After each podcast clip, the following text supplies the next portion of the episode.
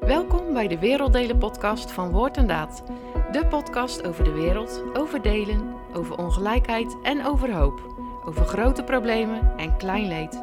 Over groot beleid en kleine lichtpuntjes.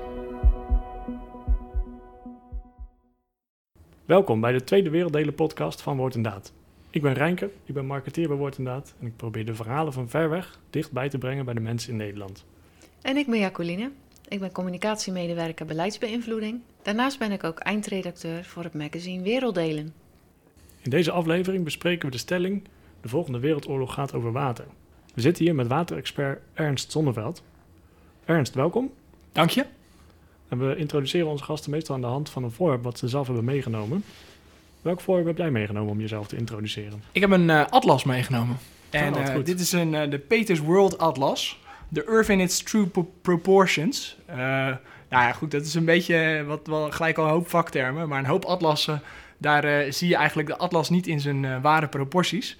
Maar deze atlas-uitgave heeft geprobeerd om zeg maar, de wereldverhoudingen in de ware eh, proporties te, te zetten. Nou is dat verder niet zo heel erg interessant. Maar wat ik er vooral heel erg eh, interessant aan vind, altijd eigenlijk al, is dat je er, je kan er sowieso zoveel uren al in, in bladeren om gewoon eh, ja, te zien hoe, hoe bepaalde delen van de wereld eruit zien. Maar eh, wat, wat, wat voor mij eigenlijk heel erg eh, belangrijk is en, en een meerwaarde is van een atlas, is dat je eh, informatie in relatie tot, tot elkaar kan, kan zien. En iets wat eerst een getalletje was, zet het op een kaart en vervolgens zie je ineens hoe die informatie zich verhoudt tot de informatie eromheen. En dat geeft zoveel meer informatie, eh, dat, dat, dat geeft zoveel meer context dan, dan een kaal getalletje. En eh, dat, dat, ja, dat creëert een wereld op zich. Nee, ik ben er erg enthousiast over. Ja, dat klopt inderdaad. Ja, Was jij ook zo'n eh, zo'n kind wat eindeloos in atlassen bladerde? ja absoluut. Ja. Ik zat nog even te zoeken of ik mijn oude bosatlas kon vinden, maar die heb ik helaas weggedaan. Dus, Ja, daar eh, moest ik direct aan denken. Ja, ja, Dat, ja, ja, precies. Klopt. Leuk, Ja. mooi. De atlas meegenomen. Ja. Ernst, we noemden het al even. Bij waterproblemen in ontwikkelingssamenwerking denken we gewoon snel aan droogte. Ja. Kan, kan je ons helpen begrijpen wat de impact is van te weinig water in een bepaald gebied? Eh jazeker. Eh, kijk, als je het hebt inderdaad over, eh, over droogte, dan, dan denk je natuurlijk al heel snel aan mensen die geen toegang hebben tot, tot water. En waar ik dan vooral ook heel erg aan, aan denk, is mensen die, doordat ze geen toegang hebben tot, eh, tot water, ehm, ja, eigenlijk eh, ook geen mogelijkheden hebben om bijvoorbeeld hun eigen voedsel te, te verbouwen. Eh, kijk, hier in Nederland en hier in Europa kunnen we, hoeven we dat zelf niet te doen en lopen we gewoon supermarkt in. Maar in heel veel landen doen mensen dat, moeten mensen dat gewoon zelf doen. Is dat gewoon puur een middel van, van bestaan. En op het moment dat het, dat het droog is eh, en eh, de, de regen valt niet of de regen valt veel te laat en je hebt al eh, je zaad in de grond zitten, ja, dan verbrandt het gewoon en dan verbiedt het, het gewoon. Dus mensen die, die verbouwen eigenlijk voor eigen gebruik. Ja, En, klopt. da- en daar heb je water voor nodig. En daar heb je sowieso ook water voor nodig. Ja, ja en of dat nou echt water is via een irrigatiesysteem of, of, of water vanuit de lucht. Je ziet vooral dat heel veel mensen nog, nog vooral afhankelijk zijn van, van regenwater om hun gewassen te, te verbouwen. En zou je dan ook kunnen stellen dat de armoede toeneemt omdat er een eh, gebrek aan water is? Eh, ja, nou is het vaak niet eens zozeer dat als je door het jaar heen kijkt dat er een gebrek aan water is. Eh, maar vaak is het zo dat het water wat er valt vaak in een hele korte tijd valt. En dat, het, dat die regen zich sle- steeds slechter laat timen. En dat maakt het vooral heel erg lastig voor, voor veel mensen. En ja, en, en het bijkomend nadeel daarvan is ook dat op het moment eh, dat het dat dat dus eh, zorgt voor slechte oogsten, dat dat dus twee dingen doet. Eén, je prijzen schieten omhoog, want ja, er is minder aanbod op de markt. Maar ja, doordat mensen ook niks zelf verbouwd hebben of niks hebben kunnen oogsten, eh, stijgt de vraag ook. Dus dat gaat dubbel omhoog. En we hebben het nu over water voor gewassen, maar is water niet ook gewoon primair om te drinken? Zeker, zeker, klopt. Ja, eh, en eh, ook daar zie je bijvoorbeeld, we hebben nu bijvoorbeeld een, eh, een drinkwaterproject in, in Shalla. Nou, dat is een gebied waar drinkwater heel moeilijk beschikbaar is. Ander voorbeeld wat ik zou, zou kunnen noemen is het. Ehm, ik heb een jaar in Oeganda ge gewerkt voor een drinkwateradviesbureau.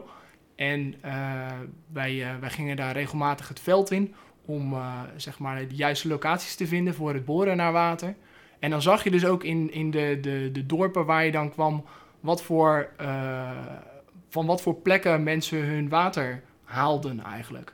En dat waren poeletjes. Nou, daar zouden jij en ik nog niet eens in willen zwemmen, zeg maar. Zo, zo smerig. En ja, daar uh, zie je gewoon dat dat ook gewoon echt een, een impact heeft op, op mensen hun levensverwachting. Want als je daarvan drinkt, nou, dan weet je zeker dat je, uh, dat je daar goed ziek van gaat worden. Ja. Ja, ja we hebben het nu over een uh, tekort aan, aan water.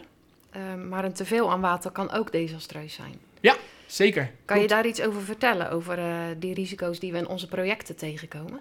Uh, ja, uh, we hebben een project in, in Ethiopië, in het centrale deel van, van Ethiopië, in de Awash-regio. Nou, daar kregen we afgelopen jaar eigenlijk van te horen dat het daar zo hard, veel had geregend, dat, daar, dat het had geleid tot, tot grote overstromingen daar in, de, in de rivier. Dus, dus dat is ook inderdaad geen, geen lolletje. Nee. nee. nee.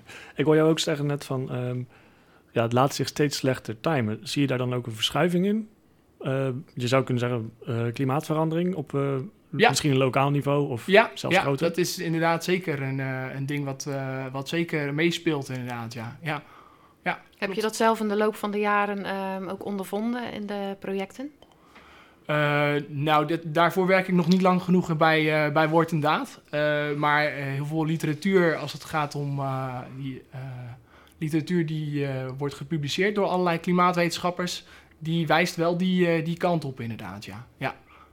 En is het dan ook zo dat in zo'n gebied wat bijvoorbeeld al slecht toegang heeft tot water, dat dat dan in zo'n gebied extra hard aankomt? Of zijn ze daar juist veerkrachtiger om met zo, dat soort dingen om te gaan?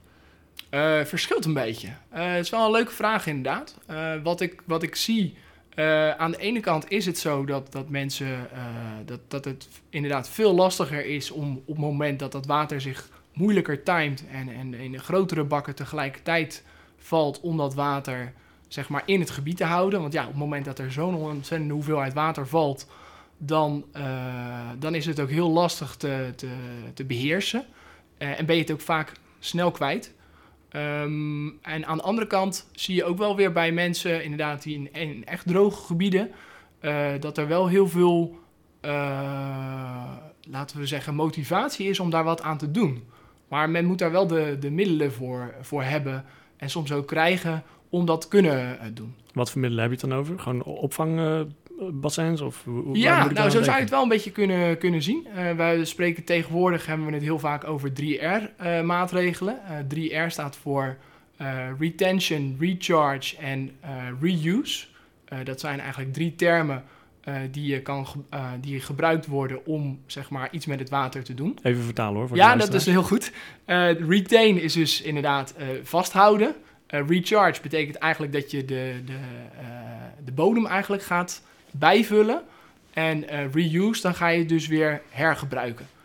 Dus dat zijn de drie principes, zeg maar, die erachter liggen. En er zijn verschillende...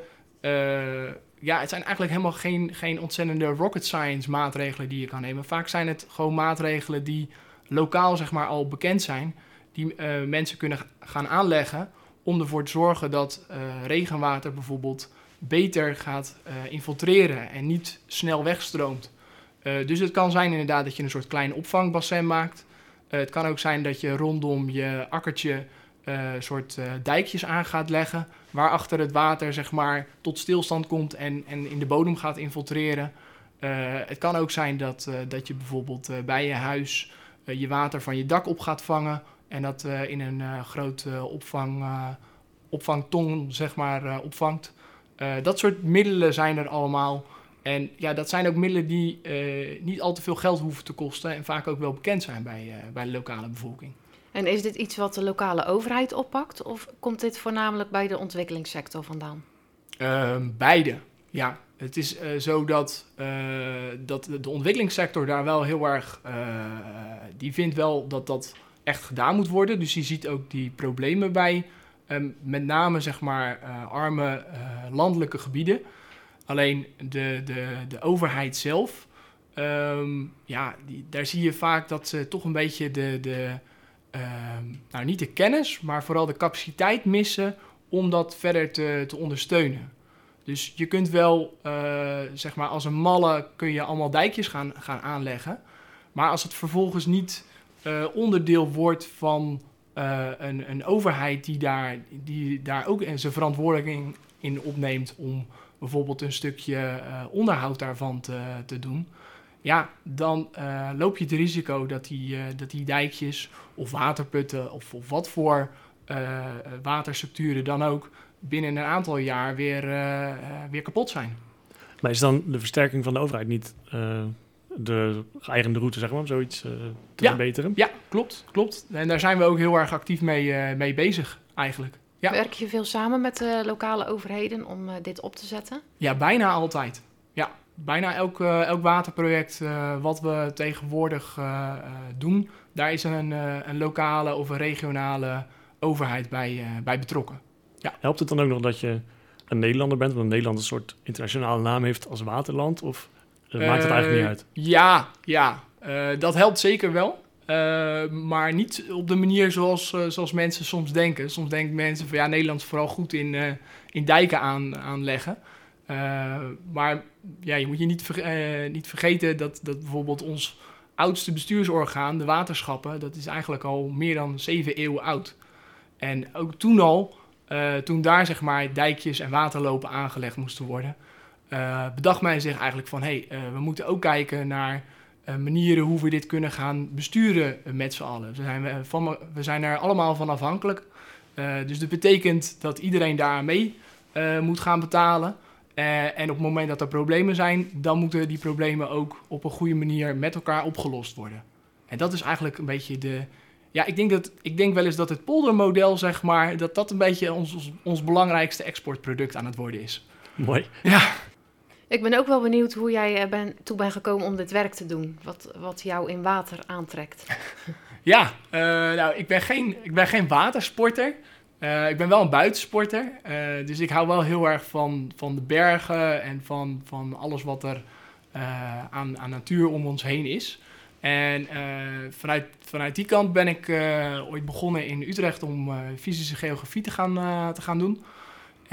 en vervolgens zag ik daar dat, ja, we hadden het heel erg va vaak over bepaalde problemen die veroorzaakt werden als gevolg van verwoestijning, verdroging. Toen was klimaatverandering nog helemaal niet zo'n heel erg, heel erg groot thema aan het worden. Toen hadden we het nog vooral over verwoestijning.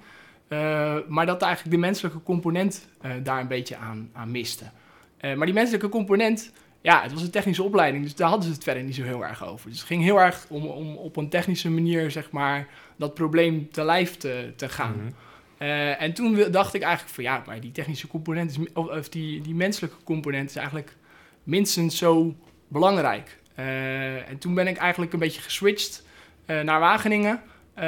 En daar heb ik een, eh, een, opleiding gedaan, dat is internationaal land- en waterbeheer. En daar kwam die component eigenlijk wel heel erg aan, aan bod. Uh, dus toen dacht ik wel van, hé, hey, oké, okay, hier wil ik echt mee, mee verder. Dit vind ik echt heel, heel tof. En daarmee zeg je eigenlijk, de mensen die maken ook het landschap, of die maken verwoestijning, of die kunnen dat omkeren. Daar zit een um, grote menselijke kant aan. Ja, maar goed, nou ja, wat ik net al zei. Kijk, je kunt, je kunt alles proberen op te lossen met een technische maatregel, zeg maar. Dus als er een drinkwaterprobleem is, ik zet een waterput neer. Maar die, die drinkwaterput, die moet uiteindelijk door mensen gebruikt worden. En die moet op de een of andere manier ook ervoor gezorgd worden dat die uh, het blijft doen.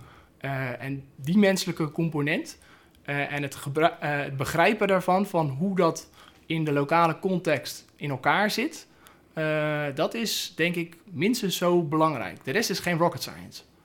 Hebben we daar voldoende zicht op hoe zo'n lokale community dan bijvoorbeeld werkt? Of rondom zo'n waterput of wateroplossing staat? Of heb je daar altijd een lokaal iemand voor nodig die dat helpt inbedden? En... Ja, ja, daar heb je zeker iemand, uh, een lokaal persoon nodig om dat, uh, om dat verder op te, op te zetten. Kijk, als ik dat zou gaan, gaan doen, ik sta daar natuurlijk ook, ik zou daar ook staan met mijn, ja, uh, met mijn blanke hoofd en met mijn westerse ideeën. Eh, en mijn, eh, mijn collega in eh, Ethiopië of in Burkina Faso, die begrijpt die situatie veel en veel beter dan, eh, dan ik. Dus ik moet dat ook niet willen. Nee. Maar juist die samenwerking maakt het zo krachtig, denk ik. Ja, ja, absoluut. Ja, klopt. Ja, dat heeft ook wel soms eh, eh, wat, wat, eh, wat, geeft soms ook wel wat problemen, want soms heb je zelf ergens een hele andere opvatting over dan, dan je lokale collega. Dus dat is soms wel eens even lastig. Maar ja, op het moment dat je dat weer hebt overwonnen, dan kan je wel weer, wel weer verder. Loop je dan ook nog tegen cultuurverschillen aan? Ja, ja, zeker. Zeker. Ja, en dat kom je in, in diverse eh, situaties kom je, dat, eh, kom je dat tegen.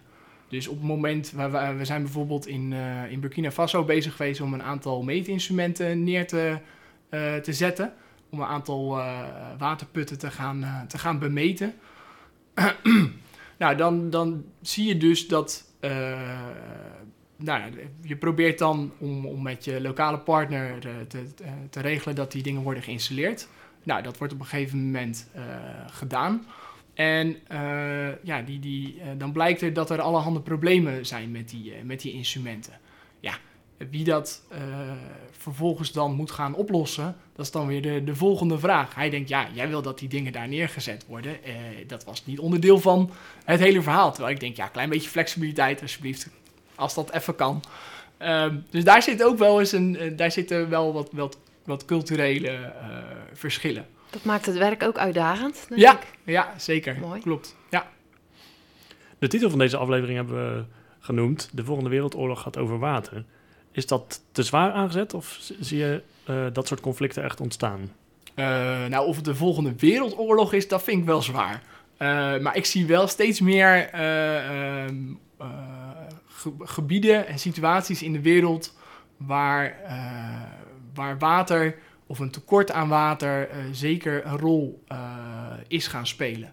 Kijk bijvoorbeeld even naar Ethiopië. Dat was een aantal maanden geleden was dat in het nieuws. Toen ze de, die hele grote dam in, in gebruik zijn gaan nemen.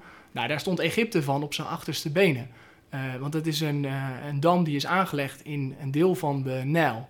Nou, eh, je weet dat eh, Egypte behoorlijk afhankelijk is van dat water van die rivier de Nijl. Als ze dat water niet meer hebben, ja, dan eh, staat toch wel een soort van het mes op de keel, zeg maar, bij ze. Want het stroomgebied is, is zo groot dat het zich uitstrekt over meerdere landen. Ja, ja, en, die, en die landen die dan laag in het stroomgebied zitten, die ervaren ja, dan problemen. Die ervaren dan de problemen. Want, want Ethiopië zet eigenlijk een soort slot eigenlijk in de rivier, in, in die aanvoer. En, en inderdaad, het stroomgebied van de Nijl strekt zich uit tot in, tot in Ethiopië, ook voor een deel in, in Oeganda. Eh, maar in ieder geval, een van die grote aders wordt daar dus voor een deel mee afgesloten.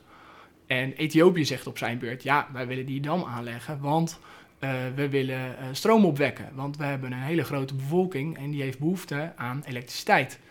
Eh, en die zegt ook van ja, eh, we, we houden niet het water permanent hier. Dat gaat alleen op een ander moment, wordt het weer doorgezet. Maar ja, ze zijn daarover in conflict. En dat eh, is best hoog opgelopen.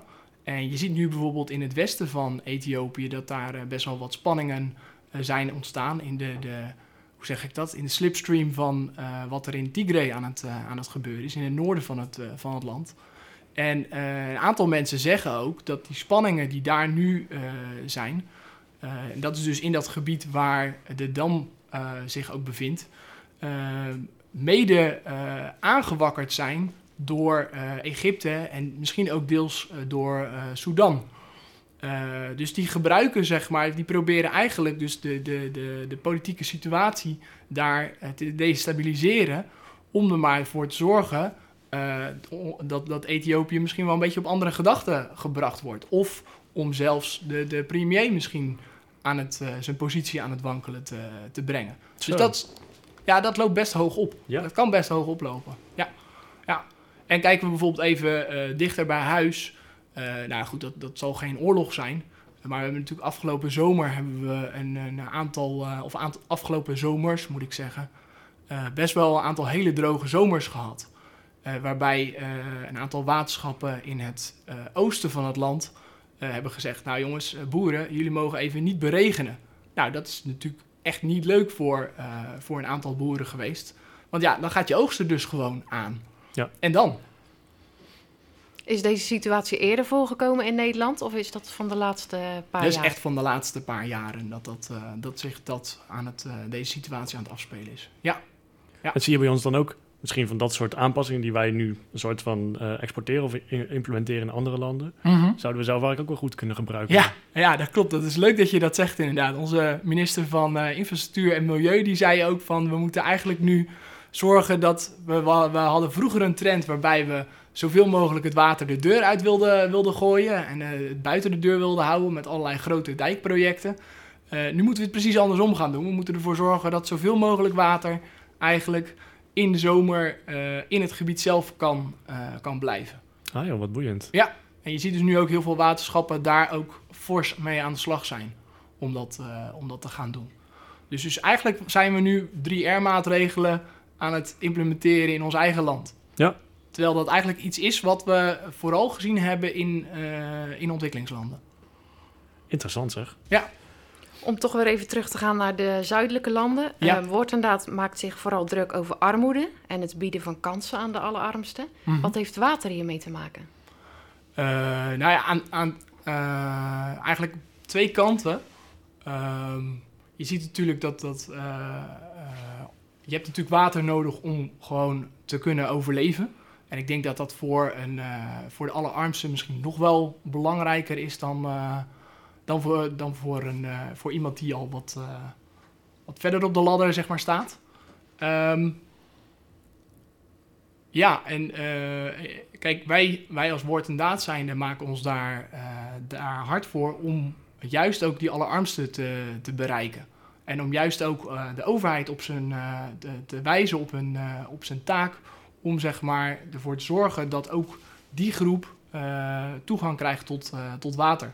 En of dat, water, of dat nou water is voor eh, landbouw of dat dat nou water is voor, eh, voor drinkwater, eh, dat maakt even niet uit. Ik heb ook wel eens een voorbeeld gehoord van ehm, meisjes die dus dan een, een flink stuk moeten lopen voor water en daardoor een stuk school missen. Ja. Dus dat water best wel dat soort neveneffecten kan hebben. Heb je daar nog Klopt. meer voorbeelden van? Dat, dat water, zeg maar, een soort basisbehoefte, zoveel invloed heeft op andere terreinen van het leven.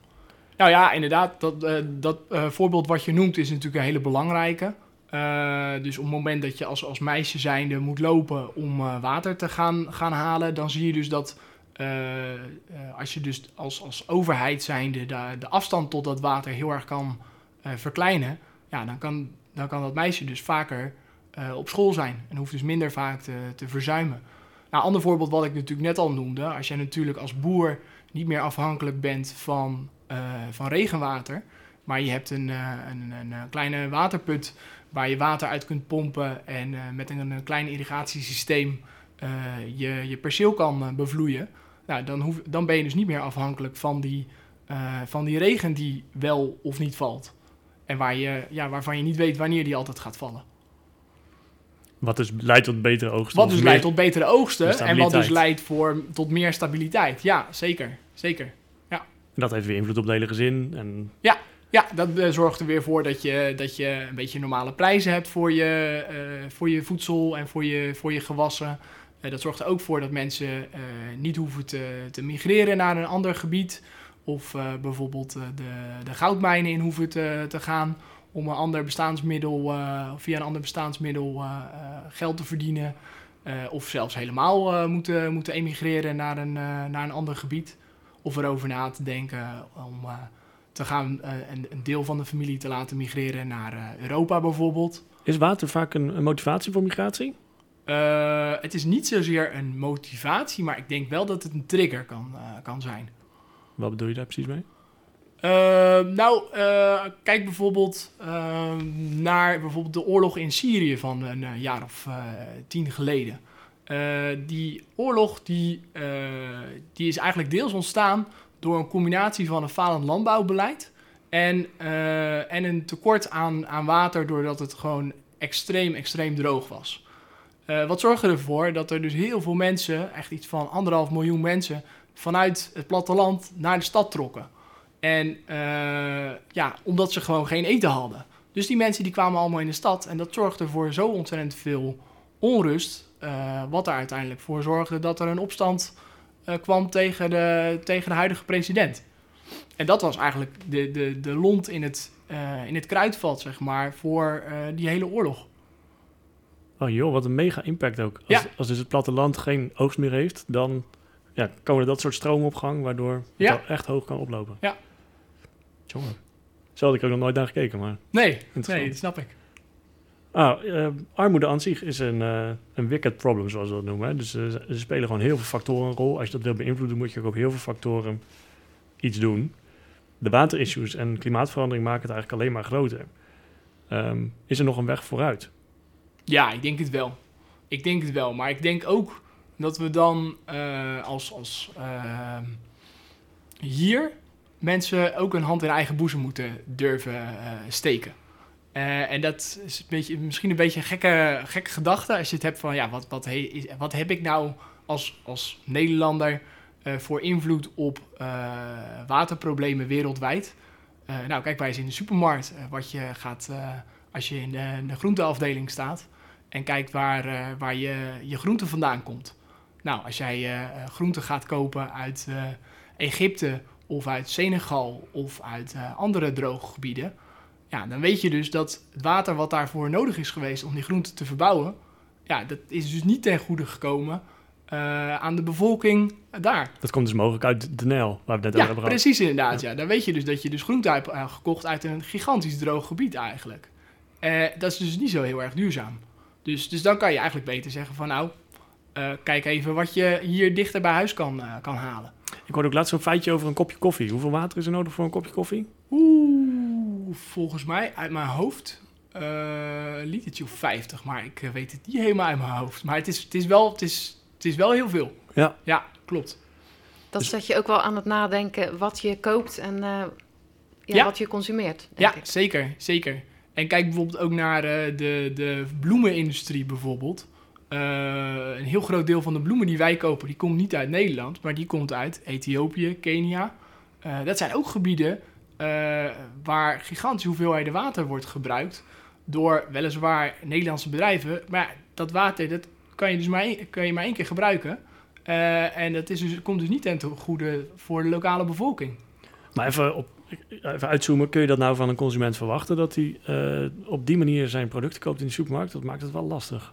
Ja, nou had Milieu Centraal had de laatste tijd, of een, een jaar geleden hadden ze een app en die, die gaf daar wel wat meer inkijk op, zeg maar. Dus die gaf wel aan van oké, deze producten kun je beter niet kopen en deze producten eh, zijn echt prima om te, om te kopen Mhm. in, eh, in de winkel. Net zoiets als bijvoorbeeld een FSC-keurmerk is helemaal mainstream geworden. Hè? Dat Ja, duurzaam ja. beheerd bos. Ja. Zouden we ook niet zoiets eh, voor water kunnen doen? Ja, het lastige is alleen is dat het voor, voor groente en fruit natuurlijk zo erg verschilt, zeg maar, waar het vandaan komt. Dus het kan de ene keer komen je, komen je aardappels gewoon uit Nederland en de volgende keer komen ze uit, eh, uit Israël, bij wijze van spreken. En dat is geen grap. En ben je er zelf bewust mee bezig wat je koopt? Ja, Waar het ja anders had ik dit niet gezegd inderdaad. Ja, nee, wij zijn er wel bewust mee, be- mee bezig inderdaad, ja. Maar dat betekent best een ingewikkelde boodschappenroutine dan. Eh, dat betekent inderdaad een, een wat ingewikkeldere boodschappenroute. Nou hebben we een groentepakket. Eh, en dat komt, eh, dat komt uit Hoekse Waard. Eh, dus, en daar zit al een heel menu zeg maar, bij van een aantal gerechten. Van hey, dit zou je kunnen koken, koken ermee met dit en met dit. Nou moet ik zeggen dat ik niet heel erg fan ben van de winter met al zijn kolen. Maar ja, goed. Nee, want dat Eh, is inderdaad. Als ja. je dus Nederlands eet, eh, dan heb je rode kool in de winter. eh, ja, bieten. Nou, heerlijk. En dan houdt het wel een beetje op. Ja, biet en een paar kolen, ja. Ja, ja, ja, klopt inderdaad. Ja. Ja, dus dat is, is soms wel een beetje slikken inderdaad. Daar zijn we niet ja. meer aan gewend. We hebben gewoon jaren rond aardbeien eten en dat ja, soort dingen. Ja, ja. klopt inderdaad. Ja. En dus dan heb ik eigenlijk de laatste vraag voor jou. We zijn eh, weer aan het eind gekomen van deze podcast. Wat motiveert jou om je werk te doen? Eh, wat mij heel erg motiveert, is dat eh, als ik partners spreek, eh, dan merk ik daar een, enorm grote drive en enthousiasme om zeg maar, de projecten vorm te gaan geven en te implementeren. En daar merk ik ook, eh, ook deels als we met, met christelijke partners in het zuiden werken, merk daar ook een heel groot geloof in. En dat, ik zei net al van soms heb je het idee dat je met, met één oog zeg maar, je projecten aan het eh, doen bent. Alsof je een soort, soort van gehandicapt zeg maar, bent. Eh, en, en dat is soms best wel eens uitdagend. Maar aan de andere kant, als je dan weer zo'n gesprek hebt gehad... waarin je dat dan hebt, hebt ge- gemerkt, dan denk ik wel van wauw, oké, dit is echt wel heel gaaf wat er uiteindelijk op de, op de grond gebeurt. En daar mag ik onderdeel van uitmaken. Dat vind ik wel, dat, dat geeft me wel een enorme boost. Mooi. Gaaf. Dankjewel voor het gesprek. Graag gedaan. Dankjewel. Bedankt dat je luisterde naar deze podcast. Heb je vragen of suggesties voor de volgende aflevering?